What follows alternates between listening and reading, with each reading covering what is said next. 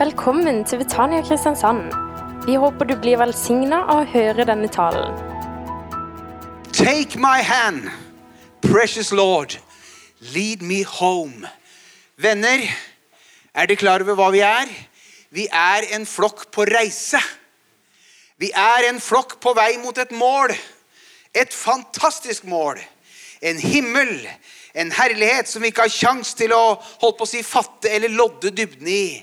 Og Det var holdt på å si, det var deilig dere sang den nå like før jeg skulle på, for det passer så veldig bra med det vi skal snakke med hverandre om i kveld. Eh, vi skal lese tre vers fra Hebrebrevet, kapittel 12. Og vi skal lese vers 1, 2 og 3 der. Og der står det sånn Derfor, når vi har så stor en sky av vitner omkring oss, så la oss legge bort alt som tynger, og synden som så lett fanger oss inn. Og med utholdenhet fullføre det løpet som ligger foran oss, med blikket festet på ham, som er troens opphavsmann og fullender, Jesus. Vi må ikke miste fokus, venner. Det er så mye som får oss til å se både hit og dit og bli opptatt av både det ene og det andre. Men hør hva Skriften sier. Med blikket festet på ham som er troens opphavsmann og fullender. Jesus, du sa det også da du satt bak pianoet i stad her. Kristiansen. Veldig, veldig bra. For å få den gleden han hadde i vente, holdt han ut på korset uten å bry seg om skammen. Og nå har han satt seg på høyre side av Guds trone. Ja, tenk på ham som holdt ut en slik motstand fra syndere, så dere ikke blir trette og motløse. Himmelske Far, vi ber deg om nåde til å beholde fokus. Vi ber deg om nåde, Herre, til i våre liv å beholde fokus på det som er det viktigste. Og Jesus, nå ber vi at du skal være med oss denne kvelden. Takk at det er du allerede. Takk at vi merker at du er her. Takk for sangen, takk for gleden. Takk for at vi får lov til å, å glede og fryde oss over alt det du har gitt oss. Å, min himmelske Far, nå ber vi at du skal gi nåde til å formidle ditt ord på en god måte. Hold forstyrrende makter og tanker borte og hjelp oss til å fokusere på deg og ditt ord alene. I Jesu navn. Amen.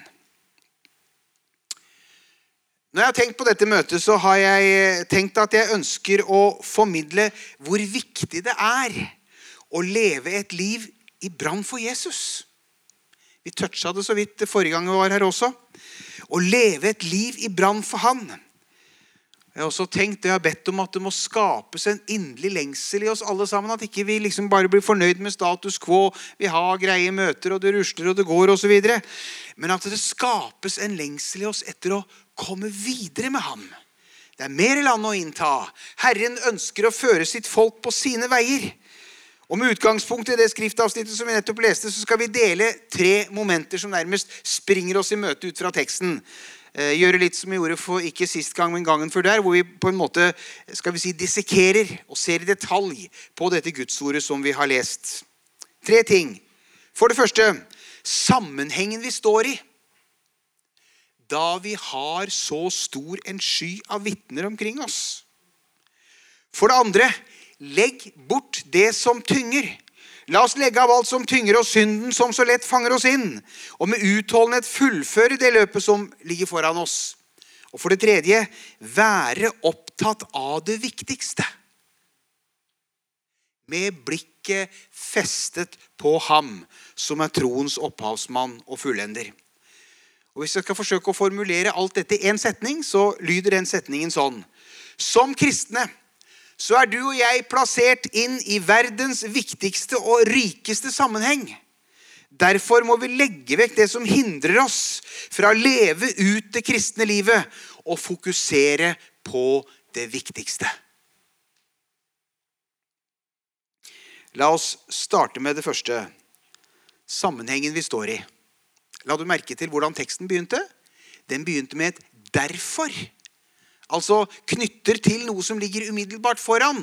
Og hva er det som ligger umiddelbart foran hebreerne 12? Eller umiddelbart foran hebreerne 12? Hebreerne 11, selvfølgelig. Rein logikk. Enkel matematikk. Hva er hebreerne 11? Du som har lest det i Bibelen, vet, du vet hva det er for noe. Hebreerne 11 kalles gjerne for troskapitlet. Og Der lister hebreerbrevets forfatter opp den ene etter den andre av fordums troshelter som trodde Gud. Og så forteller han om livene deres. Og så sier han 'derfor'. Altså Det er tydelig at brevskriveren nå henger det som fortsetter, på det foregående. Derfor, når vi har alt dette, alle disse trosheltene, da må ikke vi gi opp. Må ikke vi gi inn. Må vi fortsette. I kapittel 11 så omtales Enok og Noah og Abraham og Sara og Isak og Jakob og ja, til og med den prostituerte Rahab, som Herren brukte, og som trodde Gud, og som ble frelst, og en rekke andre. Og så er da altså poenget både for hebrebrevets folk og for oss som er i Betania denne søndag kveld, at vi er en del av den samme store skaren. Du skjønner, du er ikke kasta tilfeldig inn på troens arena uten noen forbindelseslinjer. Men det er en rekke forbindelseslinjer tilbakeover i historien.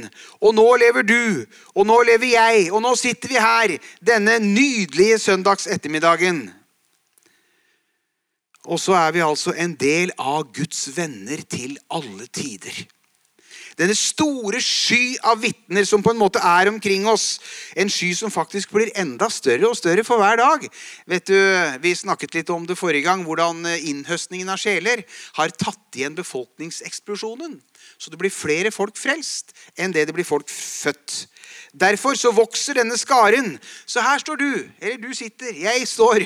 Men vi er alle sammen i denne sammenhengen. Ikke sammen. Sammen med en Abraham, en Sara, en Ruth, en Debora, en Maria, en Peter, en Jakob, en Johannes, en Augustin, en Martin Luther, en Annie Skau, en Marie Monsen. Og vi kunne fortsette og fortsette. og fortsette. Tiden rekker ikke til, sier Hebreerbrevets forfatter. Og skulle jeg fortsette å, å liksom ramse opp alle de som har betydd et eller annet i troens historie ned gjennom tiden, da ville ikke denne kvelden rekke til på noen måte. De er alle sammen, og vi er sammen med dem, en del av denne store troende skare. Eh, om vi begrenser oss til bare å snakke om de som lever nå, så lever det faktisk akkurat nå 2,4 milliarder mennesker på jorda som bekjenner at Jesus Kristus er Herre. Det er jo ganske enormt, altså. Ikke sant? Hør Nå nå skal vi utvide enda mer, og det er ikke sikkert dere er så begeistra for det jeg kommer med nå. for Det er litt sånn, det er liksom ikke teologi som er helt uh, stuerein i våre kretser. Men jeg syns allikevel det er noe litt spennende med det. Uh, den ortodokse kirke altså den østlige delen av, av, kristenheten, eh, de har en måte å betrakte troens folk på som jeg syns eh, kan være litt forfriskende til tider. De snakker om kirken i utlendighet og kirken i hjemlandet. Og Kirken i utlendighet det er du og meg som lever her nå. Kirken i hjemlandet det er de som er gått foran og allerede er hjemme hos Jesus. Og så snakker da denne kirken om at sammen så er vi en enhet og en helhet. Guds venner til alle tider. Vi skal alle sammen fylle himmelen en gang. Når det skjer at han skal gjøre alle ting nye, da skal Guds barn til alle tider møtes. Og så skal vi treffe både Abraham og Sara og hele sunamitten. ikke sant? Og så er vi en stor flokk som har én ting for øye. Da bare kjenner vi hvordan lengselen og hvordan gleden er der. Da blir det glede, da. Ja, Vi skal få glede oss allerede her og nå, selvfølgelig. Men tenk hvilken glede når vi sammen med denne store skare skal få prise vår Gud. For så høyt har Gud elsket verden, at han ga sin sønn den eneste, for at hver den som tror på ham, ikke skal gå fortapt, men ha evig liv. Og Derfor er det sånn som jeg snakket om forrige gang, at eh, holdt på å si, det livet det blir ikke i dette universet, men det blir i universet versjon 2.0. Når han skaper neste versjon av dette, og det blir den siste. Dette universet er skapt for at synden skal beseires.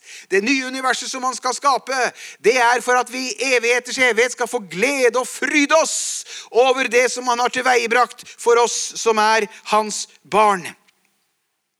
Og så er det da Den ortodokse kirkes tanke når, eh, når, de feirer gudstjeneste, så møtes menigheten i hjemlandet og menigheten i utlendighet. Og så er de felles om tilbedelse av Fader, Sønn og Hellig Ånd. Kan jo nesten høres ut som om Hebreerbrevets forfatter er litt inn på noe av de samme tankene. Han, sier at han snakker om denne svære skaren av troshelter og ramser opp folk som levde hundrevis av år før Hebreerbrevets forfatter lever. Og så sier han denne store skare er omkring oss. Når vi har så stor en skare omkring oss, for en sammenheng vi er satt inn i. Må ikke vi gjøre skam på det vi, sammenhengen vi gjør hjemme i. Må vi fortsette, og må vi vandre videre, og må vi ha fokus på det viktigste. Og Noe av denne tenkningen kommer jo faktisk fram symbolsk i Den norske kirke. og så vet ikke om du har lagt merke til det når du er i Den norske kirke. Alterringen, hvordan er den? Er det en sirkel? Det er en halv sirkel. Og Tanken er at holdt på å si, en del av sirkelen, den som vi ser, det er oss som lever i dag. Mens den delen av sirkelen vi ikke ser, det er de troende. Og til sammen så ut, De troende som har vandret foran. Og til sammen så utgjør vi en stor skare. Vi har, jeg har ei, ei herlig søster hjemme i Høvåg som sier når det er nadvær, så vil jeg alltid ligge helt innerst. For jeg har lyst til å være så tett på. Holdt på å si det evige der hjemme. Ok, Vi kan ha sans for denne symbolikk, holdt på å si hvor mye vi vil, eller hvor lite vi vil. Men poenget er i hvert fall det er noe her. Og Jeg vet ikke om du merker i kveld at det er noen toner inni deg. Og det er noe som strekker seg mot dette. Take my hand, precious Lord. Lead me home. La oss vandre, og la oss vandre med fokus på det viktigste. Vi er på vei mot et mål, og vi er på vei mot et mål. Og i denne sammenhengen så er vi satt til å gjøre en oppgave. I begynnelsen av Efeserbrevet sier Paulus at Kristus utvalgte oss i ham, altså i seg selv. Gud utvalgte oss i Kristus før verdens grunnvoll ble lagt. Det vil si, før det fantes en stjernetåke eller en melkevei, før Andromeda-galaksen var der, og de magellianske skyer og månen og stjernene, hva det måtte være, før det fantes noe som helst, så bestemte Gud den evig allmektige at en slekt skulle arve hans frelse. Og den slekten tilhører du og jeg. Fordi vi av nåde har fått lov til å ta imot frelsen i Jesus Kristus. Vi snakket om sist hvordan vi nå lever i tidens fylde for å vinne milliarder. Vi så litt på situasjonen ute i verden. Jeg viste dere en rekke plansjer. Eh, hvordan evangeliet går fram så det suser. Mange mange steder i verden. Nevnte bl.a. Afrika. Tenkte på Svasiland. Du var oppe her og, og fortalte litt om hvordan det var der. Afrika sør for Sahara er jo holdt på å si som en drøm i forhold til når det gjelder at mennesker kommer til tro på Kristus. 8,7 millioner mennesker trodde på Kristus i Afrika da man tikket inn i 1900-tallet. Og i 2015 så, betalt, så, passerte vi 500 millioner afrikanere som er vasket hvit i Jesu blod og er på vei mot himmelen.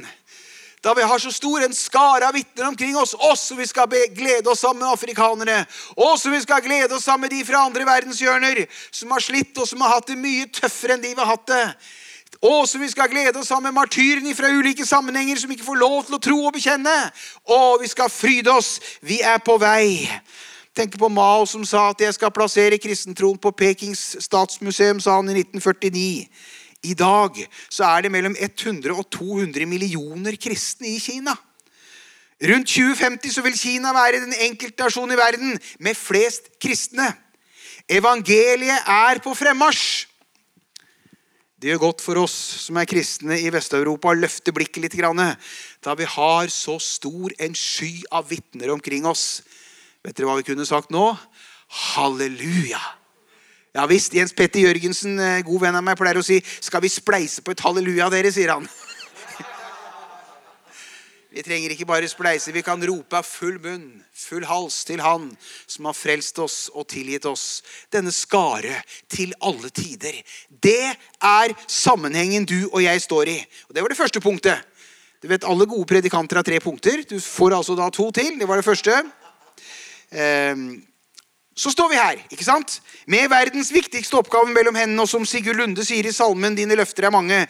La oss elske hverandre og se hva det er du har ment ved at vi bor der vi bor. Ja visst. Det er en hensikt med at du har den adressen du har.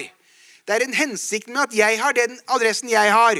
Fordi på gjennomreise og på vei mot denne fantastiske planen som Gud har for oss, så har han kalt deg og meg til å være på plass. La meg gjenta. Som kristne står vi i verdens viktigste og rikeste sammenheng. Derfor må vi legge vekk det som hindrer oss fra å leve ut det kristne livet, og fokusere på det viktigste. Hva kan hindre? Hva hindrer deg i å være tent, å være brennende, å være fokusert? For noen er det frykt, angst for framtida. Eh, for noen er det synd av ulikt slag. For noen er det likegyldighet. Det er så mange forskjellige ting. Eh, og holdt på å si, Nå skal vi ikke gå i detalj på alle disse tingene. Eh, men teksten sier altså La oss legge av alt som tynger, og synden som så lett fanger oss inn. Og med utholdenhet fullføre det løpet som ligger foran oss. Situasjonsbildet er et løp. Og det har du sikkert registrert både i eh, OL og VM og andre sammenhenger. De som løper, de har ikke holdt på å si sekk på ryggen og sekk på magen, og så bar det ut i Guds frie natur for å skyte på røy og tiur, røy og tiur, eller en elg eller en bærplukker eller noe sånt. Hvem var det jeg siterte nå? Øystein Sunde. Ja, det var ikke så veldig kristelig sagt. det var ikke det. Men poenget er altså vi har ikke kjangs til å vinne det løpet vi er satt inn i, om vi har en masse byrder. Da blir du ikke veldig fit for fight, altså. For da tynger dette deg ned. Og Jeg vet ikke hva som hindrer oss i å stå i denne store sammenhengen sånn som Herren ønsker. Siterer Paulus igjen, Kolosserne 3, 5-9. La da det jordiske i dere dø hor, urenhet, lidenskap og ondt begjær og grådighet, som ikke er annet enn avgudsdyrkelse. Alt dette gjør at Guds vrede rammer de ulydige. Blant dem var også dere den gang dere levde slik. Men legg av alt dette sinne, hissighet, ondskap, spott og rått snakk. I forhold til denne oppramsingen, jeg vet ikke om du kjenner at du treffes av noe. Jeg kjenner ikke at jeg går fri for alt. Jeg kjenner at her er det ting. ikke sant? Og Kanskje noen og hver kan oppleve at ok, her er det et og annet. Altså Jeg, jeg er voldsomt å prate og kan prate i vei og kan si en masse ting som ikke passer seg så godt. Og på å si den, både den ene og den andre sammenhengen, og det kan være ulike ting. Andre opplever andre ting, men vi opplever at vi trenger å leve i synsforlatelsens rike. Dersom vi bekjenner våre synder er han trofast og rettferdig, så han tilgir oss syndene og renser oss for all urett. Men det er viktig at vi, si, at vi er ærlige og sier at Herre, du ser hvordan det står til med meg. Du ser hva som gjelder i mitt liv. Herre, hjelp meg, tilgi meg. Jeg ønsker å bli mer helliggjort. Ønsker å bli mer lik deg. Ønsker at du skal vinne mer skikkelse i mitt liv. Skulle ønske at vi kjente på noe av dette. Herre, det vil vi og man ikke føler at det liksom er spesielle ting av disse enkelttingene som Paulus ramser opp i denne såkalte lastekatalogen, som det heter på fint teologisk, eh, så er det noe som mange av oss nok opplever. Vi har det så godt, vet du. Ikke sant? Og, og da blir det litt sånn at eh, vi trenger ikke å stresse for noe som helst, og det er ikke noe som blir så veldig farlig. Og vet du hva som da kommer? Det er likegyldigheten. Never mind. Det spiller ingen rolle. Jeg går på møte hvis jeg har lyst. Jeg gir til Guds rike hvis jeg føler for det. Jeg eh, holdt på å si Det surrer og går, og så er det liksom ikke så veldig farlig. Vet du hva? Det er likegyldighet. Herren og Guds ord oppfører oss igjen og igjen. Vær brennende. Vær fylt av Den hellige ånd. Og la meg si, Når jeg står og snakker om sånne ting som dette Jeg står ikke og snakker til dere. Det gjør jeg også, men jeg snakker minst like mye til meg sjøl. Og hvor fort denne likegyldigheten kommer der. Never mind. Ja, Gidder vi gå på møte i dag, tro? Nei, i dag har vi mer lyst til å sitte i solveggen og liksom gjøre noe annet. Det er ikke noe gærent å sitte i solveggen. Det er ikke noe gærent å sitte med nettbrett og kose deg med saker og ting heller. Men du, det er noe med å ikke la likegyldighetens klamme tåketeppe få tynge oss ned. Og så er det ingenting som blir farlig. Et synonym med likegyldig må vel være det ordet som brukes i åpenbaringen i begynnelsen der, i forbindelse med brevet til menigheten i Laudikea. Lunken. Jeg vet om dine gjerninger. Du er verken kald eller varm. Om du bare var kald eller varm, men du er lunken, ikke varm og ikke kald. Vi gjør ikke de store syndene. Jeg er sikker på det. Når jeg ser på dere, så ser dere ganske pene og pyntelige ut. Ikke sant? Jeg ser ganske pen og pyntelig ut, jeg også. Vi gjør ikke de store syndene. Og noen av oss syns kanskje at vi er bedre enn svært mange av de vi omgås med til daglig. Men så ligger altså likegyldighetens tåketeppe der som en klam tåke omkring oss. Hvor er det indre engasjementet? Hvor er brannen? Hvor er gløden? Hvor er følelsen av at det som har med Guds rike, det er det viktigste som fins? Ingenting annet kommer opp imot det. Romerne 12, 11. Vær ikke lunkne, men ivrige. Åssen er det når du er ivrig? Hæ? Å, Da gjelder det, vet du. Da er det viktig. Da står du på. Vær ikke lunken, men ivrige. Vær brennende i ånden. Tjen Herren. Og Når brannen og gløden blir borte, så kommer trøttheten og så kommer motløsheten sigende. Hvordan unngår vi dette? Hvordan unngår vi at dette fanger oss? Hvordan unngår vi å i stedet for at man vikler seg inn i dette, at man bevarer brannen og bevarer gløden? Teksten gir oss svar i det siste momentet, som vi skal snakke om i ettermiddag. Med blikket festet på ham som er troens opphavsmann og fullender, Jesus.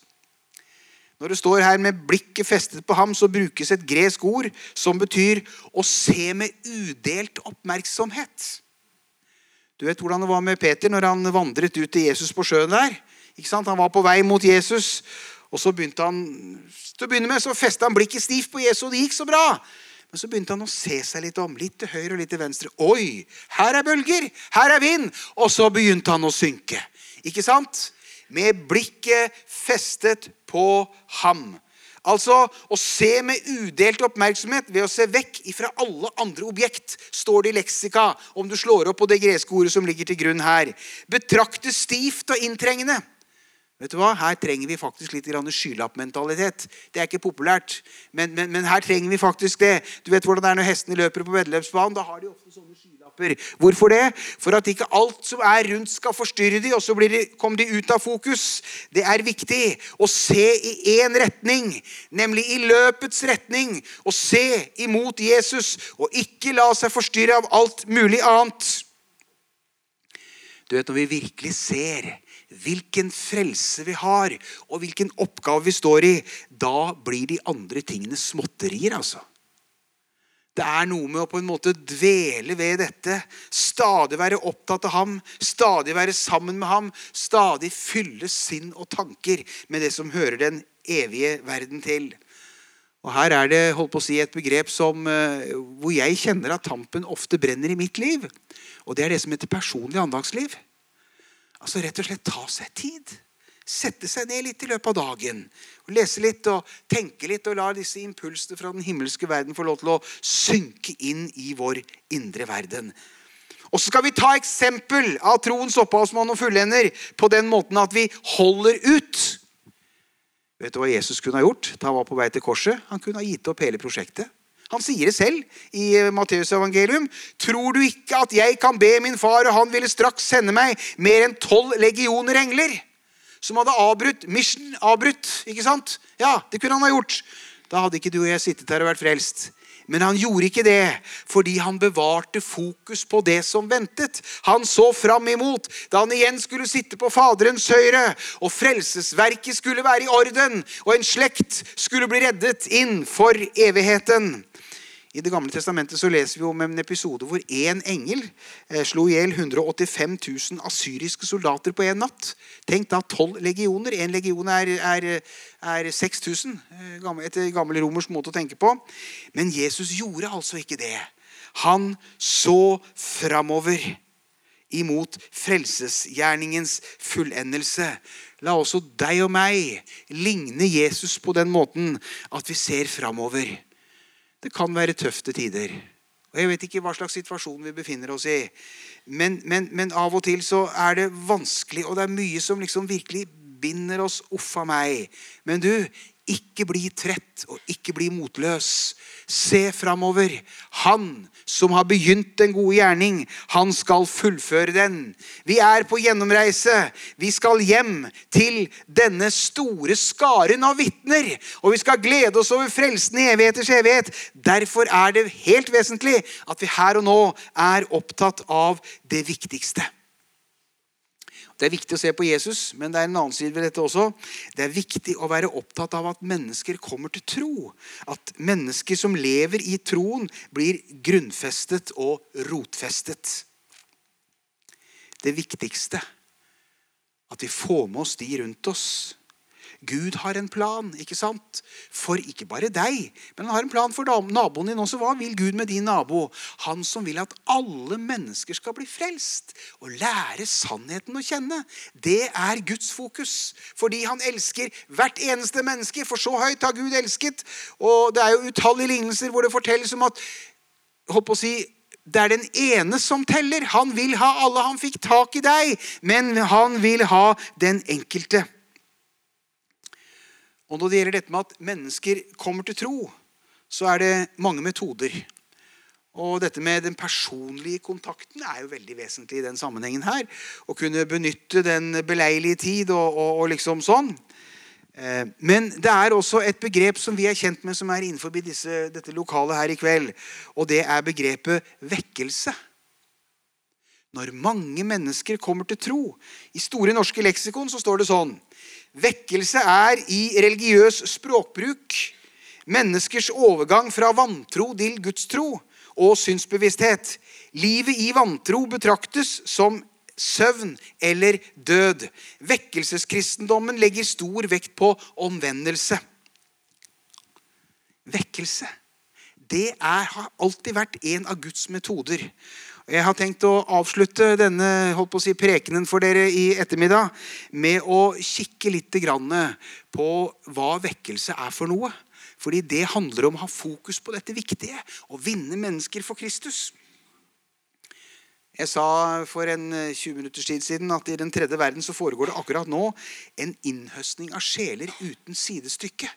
Altså, frelsestakten på folk har tatt igjen befolkningseksplosjonen. Det er jo helt fantastisk for første gang i menneskehetens historie.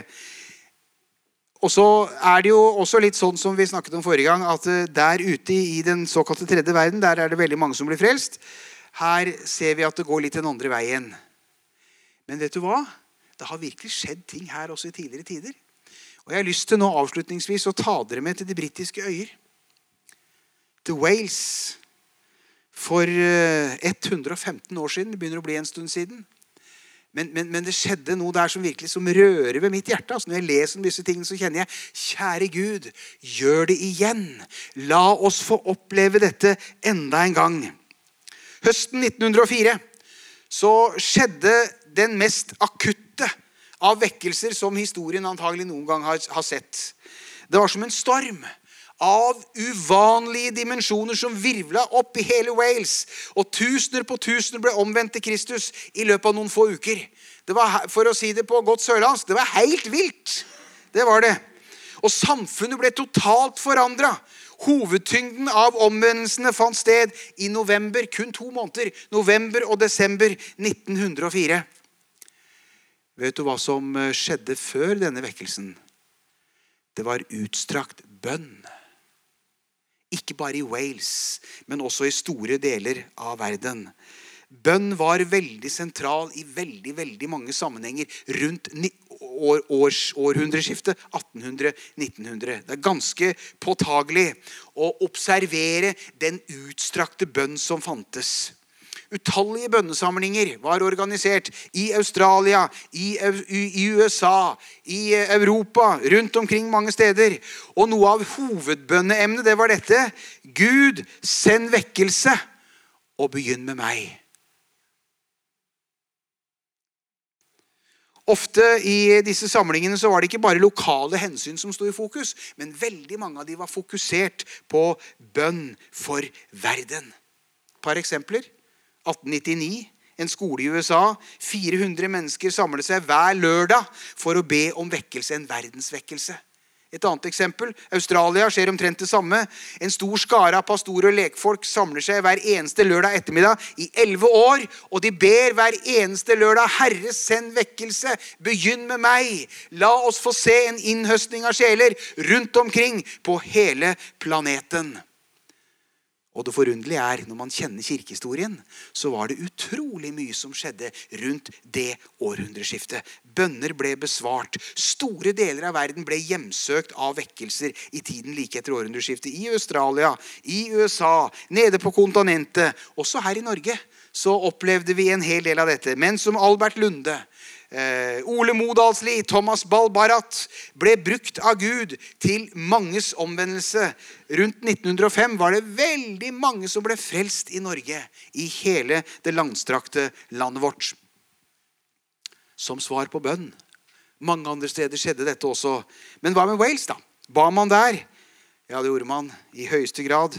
Det var mange grupper rundt omkring i hele landet som stadig var i jevnlig bønn om vekkelse. Det fortelles om predikanter som var ute i naturen og tilbrakte timevis i bønn og rop til Gud om vekkelse. I den sammenheng må vi nevne gamle domprost Howell.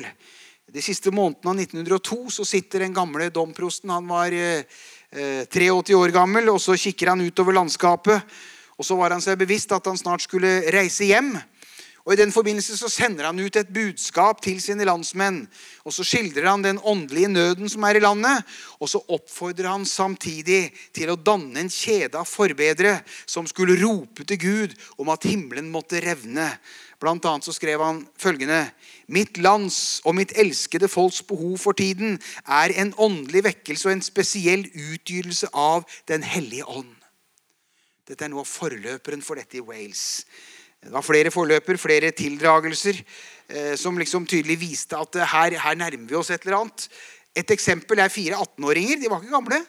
Holdt på å si En gammel domprost på 83 og 18-åringer. Herren bruker alle generasjoner. Fire 18-åringer som møtte hverandre regelmessig oppe i fjellene for å be. Hver kveld møttes disse fire, og så ba de om vekkelse. Og Ryktet spredde seg, og de fikk høre om det i menigheten. og Noen trakk litt på skuldrene, og det var da veldig så ivrige ungdommer osv. Men etter hvert så var det flere som trakk ut til dem der ute og var med. Det ble en gruppe på en, en, en 10-15 eh, stykker. og Etter hvert så vokste dette, og snart var hele menigheten ute og ropte og ba til Gud om vekkelse. Et annet eksempel eh, holdt på, å si, på det som skjedde like før holdt på å si, det virkelig revna, det var ungdomsmøtet i New Quay, hvor det ble gitt til anledning til frie vitnesbyrd. Og etter en stunds stillhet så er det ei ung jente som reiser seg opp. Hun het Flory, var nylig blitt en kristen. Var veldig stille og veldig beskjeden av seg. Sa helst ikke noe i store forsamlinger. Men nå sto hun der med folde hender, og med dirrende stemme så sa hun, mens tårene begynte å renne, om ingen vil si noe, så må jeg si at jeg elsker Jesus av hele mitt hjerte. Fest blikket på Jesus. Fest blikket på Jesus. Og dette enkle, men inspirerte uttrykket for kjærligheten til Jesus det var som gnist i en høystakk. Guds ånd falt over forsamlingen, og hele gjengen begynte å gråte og rope til Gud om vekkelse og nytt liv. Og så holder ikke demningen lenger. Og så er det noe forunderlige greier. Det var, liksom, det var en som het, uh, som het Roberts, som var sentral. Men vekkelsen poppet opp på veldig mange steder i Wales samtidig. Det var liksom ikke noe spesielt her eller der, liksom, men det var bare en masse forskjellige steder i, i Wales hvor møtene ble holdt å si, av en spesiell karakter, og mennesker begynte å strømme fram til omvendelse. Ofte hadde ikke disse stedene kontakt med hverandre engang. Det bare skjedde rundt omkring overalt. Denne Roberts, som jo var det mest markante redskapet som Gud brukte, eh, han kunne jo selvfølgelig ikke være alle steder, men det var allikevel liv og Penn Lewis, som har skrevet en bok som heter 'Vekkelsen i Wales', han forteller at møtene kunne avsluttes både to og tre ganger for å begynne om igjen. Fordi det var nye folk som kom inn fra gatene, som kom og som ropte til Gud om frelse. Eh, og møtene varte ofte til langt utpå natta. En av avisene skrev følgende om et av de første møtene hvor Roberts eh, var eh, i aksjon etter at vekkelsen hadde brutt ut. Der leser vi følgende. En kveld var entusiasmen som ble vekket av den unge vekkelsespredikanten, så sterk at etter hans preken, som hadde vart i to timer, ble den store forsamlingen værende helt til klokka tre om natta. hele tiden ba og sang de. Du snakker om fokus. Du snakker om lengsel. Og butikkene. Mange av de stengte tidlig på ettermiddagen for at de ansatte skulle få komme seg av sted på møtene og få en god plass. Eh, stålarbeiderne som kom direkte fra arbeid til møtestedet, kom i store skarer. Og Det som skjedde i Wales, det var så kraftige saker at det vakte oppmerksomhet langt utenfor landets grenser. Ryktene om dette førte faktisk til at vekkelsesilden ble tent i mange land fordi man så hva som skjedde der. David Lord George, som senere ble Storbritannias statsminister, han uttalte følgende denne merkelige omveltningen som ser ut til å ryste Wales som et kraftig jordskjelv, er helt klart den merkeligste åndelige bevegelse som vi har sett i vår generasjon. Tenk når Erna Solberg sier noe lignende, du. Det var enorme dimensjoner. I løpet av november og desember 1904, som var vekkelsens høydepunkt, så var det mer enn 70 000 mennesker som kom til tro på Kristus i løpet av de to månedene alene. Og vet du hva? Hele samfunnet ble forandret. Avisene skrev mer om vekkelse enn de skrev om fotballkampen. og det på tross av at det var på, på de britiske øyer. De er rimelig fotballgærne der borte. ikke sant? Men ikke sant? Nå var det det som på en måte var sentralt. Teaterforestillinger og revyer og, og, og sånn ble rett og slett avlyst fordi det ikke kom folk. De kom på de kristne møtene i stedet. Kan du skjønne at det går an? Her snakker vi altså om et samfunn som ikke er egentlig så langt unna vårt. Eh, det var selvfølgelig annerledes for 100 år siden enn det er i dag, men allikevel et, et helt alminnelig såkalt vestlig samfunn. Antall innsatte i Wales hovedstad sitt fengsel minket med 60% Drukkenskapen ble redusert med 50% og det var adskillige kroer og puber som rett og slett måtte stenge ned fordi at det ble tomme for folk. Folk drakk ikke bort sakene, si, pengene sine på veien hjem igjen, og de hadde fått lønn. Men de dro på møte i stedet. De dro rett hjem. Bryggeriene måtte avskjedige arbeidere fordi de ikke fikk solgt ølet sitt. Her snakker vi virkelig om noe som går på dypet. Og noe som er litt sånn, holdt på å si, nesten litt morsomt, er hvordan språket ble forandret. Eh, hestene, som jo eh, Det var jo ikke så mye biler og sånn den gangen. Man brukte hester i forbindelse med gruvearbeidet. Og hestene skjønte ikke lenger hva Deres Herre sa. Fordi språket var ikke fullt av eder og forbannelse lenger. Så de skjønte ikke riktig hva det handlet om. Ikke sant? Helt utrolig. Og Bibelen ble studert overalt. Bokhandelen slapp opp for bibler. De ble rett og slett utsolgt. Overalt var det bønnemøter. På takene, i gruvene, i togene, på torgene, på alle tenkelige og utenkelige steder. Og jeg skal love deg at det ble jul i Wales det året. Det var mye grovkornet drikkenskap og mye som ikke var så veldig bra samfunnsmessig. Men nå kom de hjem, og de hadde lønna i behold. Og i stedet for å kjøpe øl, så kjøpte de gaver og mat. Det ble en jul som folk ikke kunne minnes. Den jula 1904. En fantastisk forandring i veldig mange familier. Venner, det var vekkelse. Det var liv. Lengter du etter noe av det samme? Herre, gjør det igjen. Gjør det hos oss. Det ser ut til at vi kjenner oppskriften. Oppskriften var vedvarende bønn. Å være brennende, være opptatt av Jesus. Vi er på gjennomreise. Vi er på vei imot en helt fantastisk evighet sammen med denne store skare av vitner som du og jeg er en del av. Og dere, må vi ikke miste fokus, men må denne brannen og denne gløden være en del av oss. Og så er det det det handler om. La meg avslutte med en, en, liten sangstrofe. Jeg skal ikke synge, men bare sitere, som vi sang for mange mange år siden. La oss bryte opp og brenne broene. La oss reise hjem. La oss sørge for at våre teltplugger er løse i jorden. For vi skal hjem, hjem til himmelen, til Gud vår rette far. Ja, vi skal hjem, hjem til bryllupsfest med Han som frelst oss har. For vi skal hjem, hjem, hjem, hjem til himmelen. Vi er å ligne med det gamle Israel på vei til løftets land. Noen gjorde opprør og falt ifra. Veien den ble for lang. La oss derfor gjøre som løftets barn og holde fram i tro. Og ånden selv, den fyller oss med seiersang. Å Gud, hvor du er god. Og alt folket sa amen. Du har nå hørt en tale fra Betania Kristiansand. For mer informasjon kan du besøke våre hjemmesider på betaniakrs.no.